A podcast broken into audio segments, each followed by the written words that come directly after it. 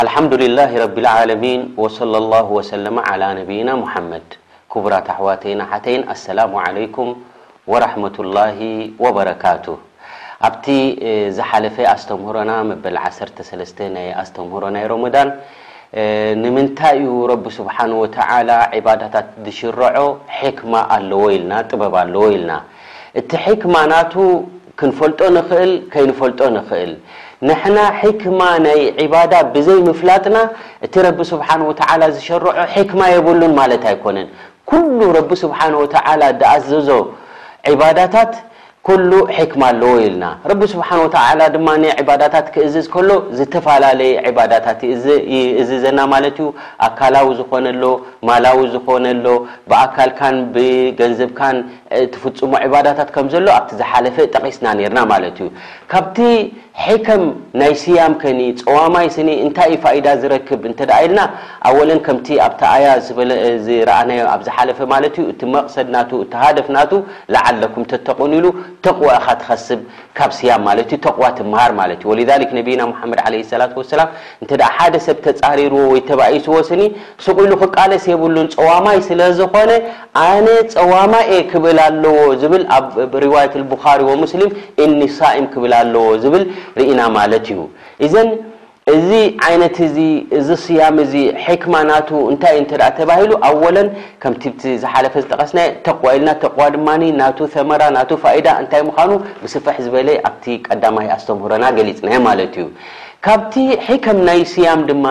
ረቢ ስብሓን ወተዓላ ጾም ክእዝዝ እንከሎ እንታይ እዩ ፋኢዱ እንታይ እዩ እቲ ሒክማ ናቱ እንተ ኢልካ ብዙሕ እዩ ክንፈልጦ ንኽእል ከይንፈልጦ እውን ንኽእል ካብቲ ግልጺ ዝኾነልና ነገራት እንታይ ኣሎ እንተ ኢልካ ኣነ ልቀልብ የተኸላ ልልፊክር ወልዚክር እዚ ልቢ ናይ ወዲ ሰብ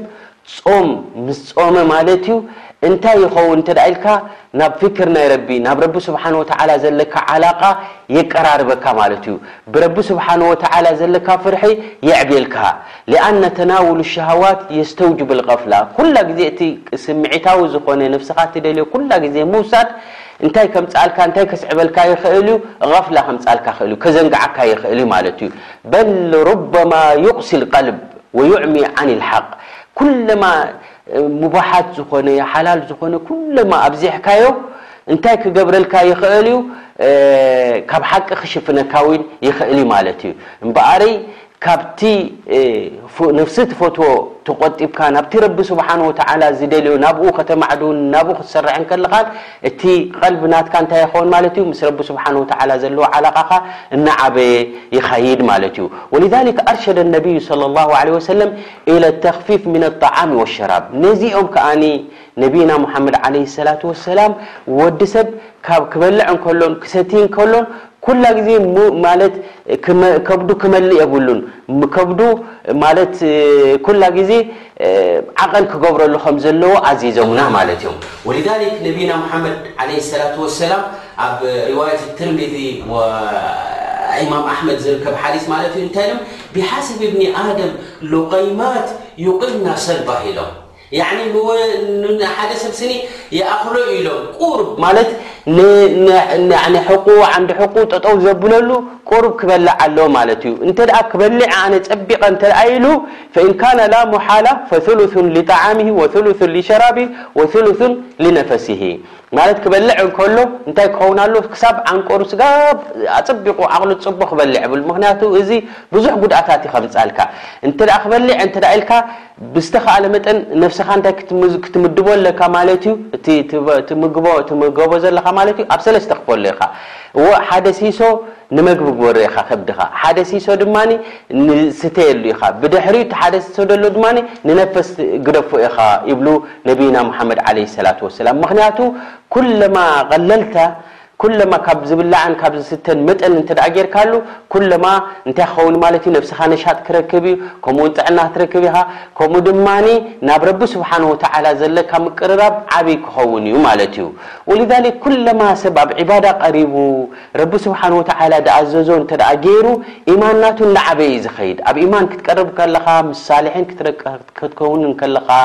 ኣብ ኼር ደለዎ ቦታ ክትከይድ ከለኻ፣ ቁርኣን ዝቅረኣሉ ቦታ ክትውዕል እንከለኻ፣ ኢማንካ ከመይ ይኸውን? ይቅየር ማለት እዩ። ወሊዛሊክ ኣብ ሰሒሕ ሙስሊም ሓንዘላ ኣልኣሰዲ ንነቢና ሙሓመድ ዓለይሂ ሰላቱ ወሰላም እንታይ እዩ ኢልዎም? እዚ ካብቶም ምስ ረሱል ዓለይሂ ሰላቱ ወሰላም ደይፍለዩ ዝነበሩ በል ካብቶም ኩታበል ዋሕይ ነይሩ ረሱል ስ ላ ሰለም ዝተዛረብዎ ዝፅሐፍ ዝነበረ እዩ ነይሩ ላኪን እንታይ ይብል እሱ ሓደ እዋን ስኒ ሓንዘላ ዝተባሃለ መፅኡ ናብ ረሱል ዓለ ሰላት ወሰላም እንታይ ይብሎም ናፈቃ ሓንዘላ ይብሎም ኣነ ስኒ ከም ሙናፊቅን ዓይነት ኮይነ ይብል ሓንዘላ ፈቃላ ረሱሉ ላ ስ ሰለም ወማዛክ እንታይ ተረኺቡ ኢሎሞ ቃላ ያ ረሱሉ ላህ ኢልዎም ያ ረሱሉ ላህ ነኩኑ ዕንደካ ቱዘኪሩና ብናር ወልጀና ንሕና ምሳኻ ኮፍ ክንብል እንከለና ብዛዕባ ጀና ክትነግረና ከለኻ ብዛዕባ ጀሃንም ክትነግረና እንከለኻ ራእየል ዓይን ንኸውን ልክዕ ከምዛ ንሪኣ ዘለና ንኸውን ፍርሒ ነሕድር ኢሉ ላኪን ካባኹም ፍልይ ምስ በልና ካባኹም ምስ ከድና ምስ ስድራናን ምስ ቆልዑትናን ኮፍ ምስ በልና ስኒ እንታይ ንኸውን ኢሉ ካብቲ ዝነበረና ኢማን ካብኡ ንጎድል ንደክም ሕጂ ክትሪኦ ከለኻ ምሳኹም ፍሉይ ንኸውን ካባኹም ፍልይ ምስ በልና ድማ ፍሉያት ንኸውን ኣለና ናይ ሙናፊቒን ስራሕ ድማ ክልተ ገጽ ዘለዎም እዩ ሕጂ ከምኡ ዓይነት ኮይኑ ተሰሚዑኒ ምስ በሎም ንረሱል ዓለይሂ ሰላቱ ወሰላም ላኢለሞ ወላኪን ያሓንዘላ ሳዓቱን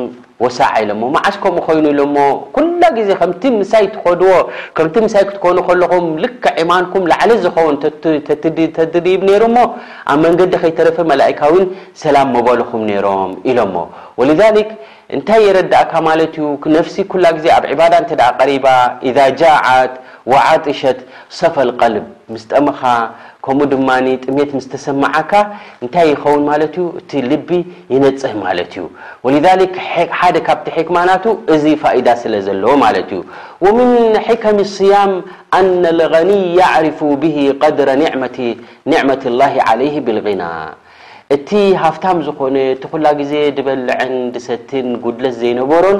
ሮሞዳን ክመጽእ እንከሎ ካብቲ ዝብላዕን ዝስተን ምስ ተቆጠበ ካብቲ ቃሕታ ነፍሱ ውን ምስ ተቆጠበ እንታይ ይገብር ማለት እዩ እቲ ኒዕማ ኩላ ግዜ ምስኡ ዝነበረ ስለ ዘየቋርጾ ዝነበረ ኣይፈልጦን እዩ ነይሩ ሕጂ ላኪን ምስ ጠመየ ካብቲ ዝደልዮ ዝነበረ ምስ ተቆጠበ ረቢ ልዓለሚን ሂብዎ ደሎ ኒዕማ ሕጂ ይዝከር ማለት እዩ እዚ ውን ሓደ ካብቲ ፋይዳ ናይ ስያሜ ማለት እዩ። ወሊዛሊክ ክንደይ ሰባት ኣለው ዝብላዕ ዝሰኣኑ፣ ዝስተይ ዝሰኣኑ፣ ጸይሞም ብጾሞም ዝሓድሩን ዝወዕሉን ኣለው። ገሊኡ ድማ ኣብ ጽጋብን ሽሻያት ናይ ረቢ ስብሓነሁ ወተዓላ ዝሃቦን ክጉሕፍ ዝውዕልን ኣሎ። እሞ ኣብዚ ሮሞዳን እዚ ኩላትካ ብሓደ ዓይነት ኮይንካ ክትጾምም እንከለኻ፣ ክትጠሚ እንከለኻ፣ ክትጸምእ እንከለኻ፣ ሓደ ዓይነት ክተብል እንከለኻ፣ ሕጂ እምበኣረይ እቲ ርኹብ ዝኾነ ነቶም ርኹባት ዘይኮኑ ማዕረ ክንድምንታይ ክጠምዩ ከለዉ ከም ድሽገሩን ሕጂ እነለ ትምህርቲ ብሮሞዳን ይወስድ ኣሎ ማለት እዩ ወሊዛሊክ ኣብ ሮሞዳን ምስ ኮነ እንታይ ትርኢ ማለት እዩ እቶም ሰብ ኼር ድኾኑ ወይ ድማ እቲ ዝነበሮ ሕጂ ብዝያዳ እንታይ ክገብር ትሪኦ ማለት እዩ ኼራት ክሰርሕ ትሪኦ ማለት እዩ ሕጂ እንታይ ፈሊጡ ማለት እዩ ኒዕማ ናይ ረቢ እንታይ ዓይነት ከም ዝኾነ ተረዲእዎን ፈሊጥዎን ማለት እዩ ሕጂ እንታይ እዩ እዚ ስያመ እዚ እንተ ኢልካ ከምዚ ዓይነት እዚ ብዙሕ ፈዋኢድ ትረኽበሉ ማለት እዩ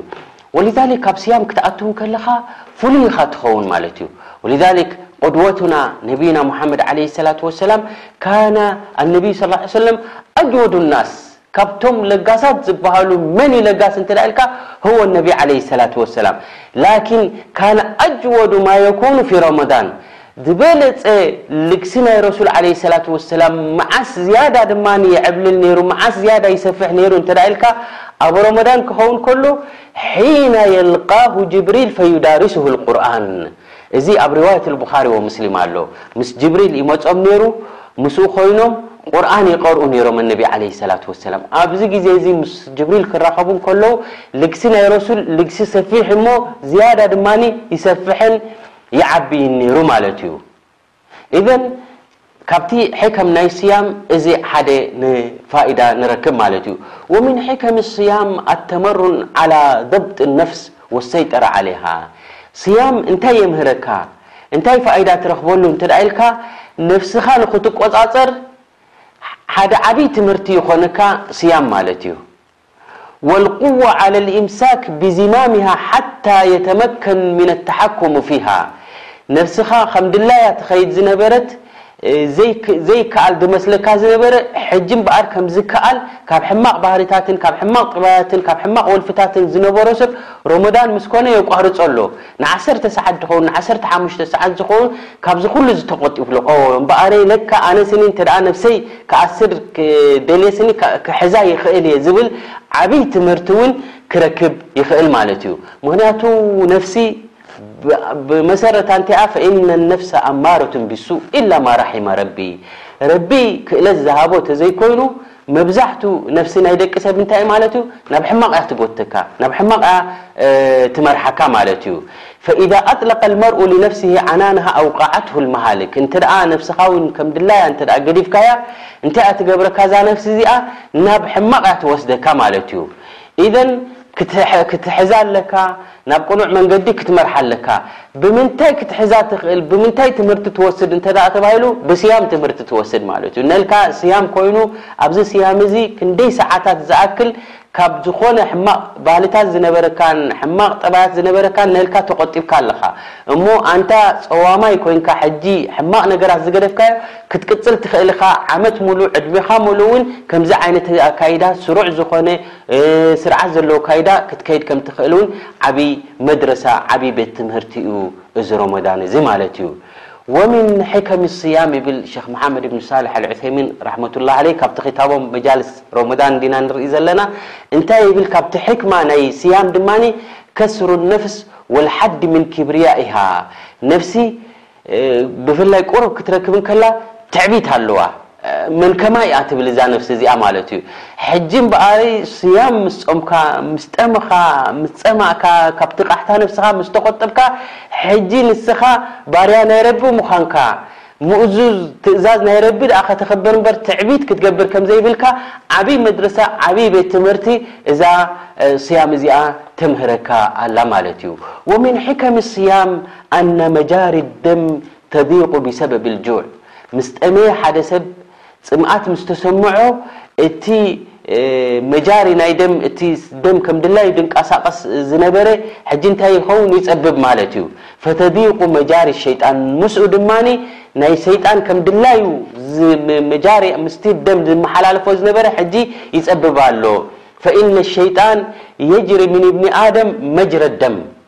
እዚ ኣብ ሷሒሐይን ኣሎ ማለት እዩ ኣብ ሓዲስ ኣሷሒሐይን ኣብ ቡኻሪ ወሙስሊም ዝርከብ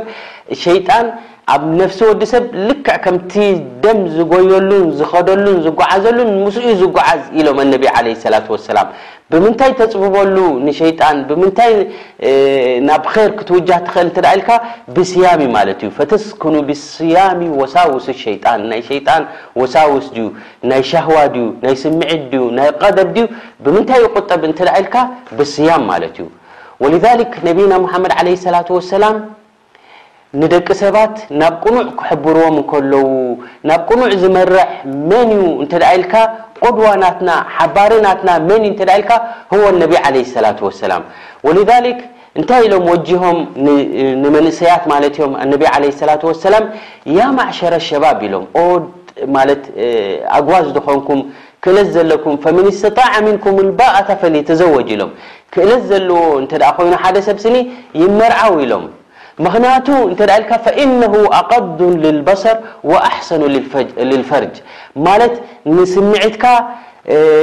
ኣብቲ ግቡእ ከውዕሎ ዝኽእል ከምኡ ድማ ዓይንኻ ክምህ ክብል ከምኡ ድማ ጥቕስ ንኽብል እንተ ኮይኑ ኣብ ደይድልየካ ንኸይትኸይድ እንተ ኮይኑ መንገዲ ከትሕዘካ ዝኽእል መርዓዩ እሞ ተመርዓዉ ክእለት እንተ ኣለኩም ኮይኑ ኢሎም ወመን ለም የስተጥዕ ኢሎም እንተ ክእለት ዘይብልካ ኮይኑኸ ክትምርዓው ከኒ እወ መንእሰይ ኢኻ ሸባብ ኢኻ ቁዋ ኣለካ ሓይሊ ኣለካ ክእለት የብልካን ውን ክትምርዓው ሕጂ ሓደ መንገዲ ነብዩና ሙሓመድ ዓለይሂ ሰላቱ ወሰላም ሓቢሮምና ማለት እዮም ናብቲ ጣዓ ናይ ረቢ ከየዘንብለካ እዚ ስምዒት ናትካ እዚ ካብ ምምርዓው ኣደንጉዩካ ደሎ ክእለት ስለ ዘይብልካ ሕጂ እምበኣርየ ሓደ ዓብይ ዝኾነ መፍትሕን መድሃኒትን ነብዩና ሙሓመድ ዓለይሂ ሰላቱ ወሰላም ሓቢሮምና እንታይ ኢሎም ወመን ለም የስተጢዕ ፈዓለይሂ ብሶም ኢሎም እንተ ክእለት ዘይብልካ ኮይንካ ጾም ኢኻ ኢሎም ፈኢነሁ ለሁ ዊጃእ እዚ ጾም እዚ ዓብይ ዋልታ ዓብይ መከላኸሊ ኢሎም ኢዘን ፈጀዐለ ሰውም ዊጃእ ሊሸህወት ኒካሒ ወከስሪ ሕደቲሃ እዚ ንስምዒትካን ንቓዕተኻን ንዕኡ ናብ ድላዩ ንኸይከይድ ክዓግተካ ዝኽእል ናብ ቅኑዕ ክሕብረካ ዝኽእል ኣነቢ ዓለይሂ ሰላቱ ወሰላም እንታይ ሓቢሮምና ስያም ማለት እዩ ኢዘን እምበኣረይ እዚ ስያም እዚ ዓብይ ዝኾነ ቤት ትምህርቲ ዓብይ ዝኾነ ፋኢዳ ዝርከቦ እዩ ማለት እዩ። ወሚን ሕከሚ ስያም ካብቲ ፋኢዳ ናይ ስያም ካብቲ ሕክማ ናይ ስያም ድማ እንታይ ኣሎ እንተ ኢልካ ማየተረተቡ ዓለይሂ ሚነል ፈዋኢድ ኣስሕያ ዓብይ ዓብይ ዝኾነ ጥዕናዊ መድሃኒት ትረኽበሉ ብስያም እዩ። ምኽንያቱ ተቅሊል ኣጣዓም መግቢ ተውሕድ ስለ ዘለካ እዚ ዓቢ ዓቢ ዓቢ ንዓኻ መድሃኒትዩ ሕጂ ቀዳሞት ዝነበሩ ቅድሚ እስልምና ወይ ድማ ኣብ ገለ ገለ ቦታታት ንዝሓመመ ሰብ እንታይ ይእዝዝሉ ማለትዮም ክልተ መዓልቲ ከይትበልዕ ኢኻ ሓደ መዓልቲ ከይትበልዕ ኢኻ ትሽዓተ ሰዓት ከይትበልዕ ኢኻ ኢሎም ይእዝዝሎም ነይሮም ማለትዮም ምኽንያቱ ካብ መግቢ ምቁጣብ ንጥዕናኻ ዓቢ ራሓ እዩ ዝህበካ ዓቢ ቅስ ያኒ ጥዕና እዩ ዘምጽኣልካ ማለትዩ ምኽንያቱ እዚ ሸኽ መሓመድ ብን ሳልሕ ኣልዑሰይሚን እውን እንታይ ይብል፣ እዚ ጅሃዝ ኣልሃድም እዚ ክጥሕን ዝኸረመ ዓመት ሙሉእ ዝሰርሕ ዝነበረ ኣካላትካ ኣብኡ ዝተርፍ ኣብ መዓናጡ ዝተርፍ ድዩ ጉድኣት ዘለዎም ነገራት ድዩ ኣብ ነብስኻ ዝነበረ እዚ ኩሉ እዚ ሕጂ ካብ መግቢ ምስ ተቆጠብካ ዓብይ ዓብይ ዝኾነ መድሃኒትን ጥዕናን ትረክብ ኣለኻ ማለት እዩ። ኢዘን እዛ ነፍሲ እዚኣ ብምንታይ ውን ጥዕና ክትረክብ ክትኽእል ብምንታይ ውን ክድ ማለት ሓያት ክትረክብ ትኽእል ጽቡቕ ክትረክብ ትኽእል እንተ ኢልካ ሓደ ብስያሜ ማለት እዩ እዘን እንታይ ክንብል ንኽእል ማለት እዩ እዚ ስያሜ እዚ ብዙሕ ፈዋኢድ ብዙሕ ሕክማታት እዩ ዘለዎ እወ እቲ ሕክማ ረቢ ስብሓን ወተዓላ ሸሪዕዎ ዘሎ ገለ ገለ ኣሎ ክንፈልጦ ንኽእል ኢና ብኪታብን ብሱናን ተደጊፍና ሕክማ ናቱ ከምዚ እዩ ንብል ማለት እዩ። ገለ ኣሎ ኣብ ሸሪዓ እቲ ሕክማ ናቱ ክትፈልጦ ኣይትኽእልን ኢኻ። ንስኻ ብዘይምፍላጥካ ሕክማ የብሉን፣ ጥበብ የብሉን ወይ ፋኢዳ የብሉን ማለት ኣይኮነን። ሓደ ካብቲ ናይ ስያም እምበኣርይ እቲ ፋኢዳ ናቱ፣ እቲ ሕክማ ናቱ ብዙሕ ብዙሕ እዩ እንተኾነ ግን ብሕጽር ድበለ ካብቲ መጃልስ ሻህር ሮመዳን ድብል ናይ ሸኽ እብኒ መሓመድ እብኒ ሳልሕ ኣልዑሰይሚን ካብኡ ክንሪኢ ጸኒሕና እዚ ዓይነት እዚ ፈዋኢድ ከም ድርከቦ ማለት እዩ ከምቲ ዝዓበየ ረቡና ዓዘ ወጀል ኣብታ ኣያ ናይ ስያም ዝጠቐሰልና ማለት እዩ ዓብይ ትምህርትን ዓብይ ፋኢዳን ንረኽቦን እንታይ እዩ እንተ ተባሂሉ ተቕወላህ ኢኻ ትረክብ ማለት እዩ ምኽንያቱ ጸዋማይ እንተ ኮይኑ ካብ ዘየድልዮ ነገራት ንኸይሰርሕ ይቑጠብ ኣሎ ካብቲ ነፍስኻን ቃሕታኻን ትደልዮ ዝነበረት ከም ድላይካ ዝነበርካያ ሕጂ ትቁጥባ ኣለኻ ሕጂ ብዙሕ ፋኢዳ ረኺብካ እምበኣርይ ፍርሒ ናይ ረቢ ተሕድር ኣለኻ ነፍስኻ ውን ክትቆጻጸራ ከም ትኽእል ድማ ተስተፊድ ኣለኻ ማለት እዩ ኢዘን ስያም ብዙሕ ፋኢዳን ብዙሕ ሒከምን ዘለዎ እዩ ማለት እዩ። ረቢ ስብሓን ወተዓላ ካብቶም ብስያም ዝጥቀሙን ካብ ስያም ክፀሙን ከለው ብዙሕ ፋኢዳታት ዝረኽቡ ረቢ ካብኦም ይግበረና። ኣይ ሸይ ኣብ ሸሪዓና ክመፅእ እንከሎ ዒባዳታት ክእዝዘና እንከሎ ረቢ ስብሓን ወተዓላ ሰምዐን ወጣዓ ኢልና ክንቅበል ኣለና። ሐራ ኢልና ክንቅበል እዩ ዘለና። ምክንያቱ ንሕና ባሮት ናይ ረቢ ኢና። ረቢ ስብሓን ወተዓላ ድላዩ እዩ ድእዝዝ። ከምቲ ድላዩ ቅርጺ ገይሩ ንዓና ከሊቑና ደሎ ንሕና ኢድና ኣየእተናሉን ኣፈጣጥራ ናትና ዓይንና ኣብ ከምዚ ቦታ ክትቅምጥ ኣለዋ ኣጻብዕትና ከምዚ ክኸውን ኣለዎ ኢልና ንረቢ ስብሓን ወተዓላ ንሱ ብዝደለዮ ደኣ እምበሪ ንሕና ብዝደለናዮ ኣይኮናን ተፈጢርና ደልና ኣንታ ረብልዓለሚን ትምህርቲ ሂቡካ ደሎ ኣንታ ፍልጠት ሂቡካ ደሎ ኣንታ ሓይሊ ሂቡካ ደሎ ኣንታ ስልጣን ሂቡካ ደሎ ኩላትና ባሮት ናይ ረቢ ምዃንና ክንፈልጥ ኣለና ማለት እዩ። ከድካ ከድካ ተጓዒዝካ ተጓዒዝካ ኣብ መጨረሻ መወዳእታ ኣለዎ እዚ ኣዱንያ እዚ ማለት እዩ። እዛ ዓለም እዚ ትውድኣ ኣለኻ ማለት እዩ። ሓምሳ ዓመት ሱሳ ዓመት ሰብዓ ዓመት ካብኡ ኣይትሓልፍን ኢኻ። ኣዕማሩ ኡመቲ ኢሎም ኣነቢ ዓለይሂ ሰላቱ ወሰላም ካብ ሱሳ ክሳብ ሰብዓ ኣይሓልፍን እዩ ኢሎም። ብውሑድ ሰብ እዩ ዝሓልፍ። ሕራይ እስከ ዕድመ ተዋሂቡካ ሚእትን ዕስራን ዓመት ጸኒሕካ ኣለኻ። ብድሕሪኡ ከ እንታይ ኢኻ ክትከውን? ክትመውት ኢኻ ማለት እዩ። ምስ ሞትካ ድማ እንታይ እዩ ዝጠቕመካ እንተ ኢልካ፣ ባርያ ምዃንካ ኣብዚ ኣዱንያ እዚ እንተ ፈሊጥካ፣ ነቲ ንዓኻ ፈጢሩካ ዘሎ፣ እወ እስኻ እኻ ፈጣሪ እየ ኢልካ ነቲ ናታቱ፣ ናቱ ትእዛዝ እንተ ተኸቲልካዮ፣ ኣብ ኣዱንያን ኣብ ኣኼራን ቅሳነትን ራህዋን ዘለዎ ትነብር ማለት እዩ። ወነስኣሉ ኣላህ ዓዘ ወጀል ቢመኒሂ ወከረሚሂ ኣን ይወፊቀና ሊማ ዩሒቡሁ ወየርዳህ ወሰለላሁ ወሰለመ ዓላ ነቢይና ሙሓመድ።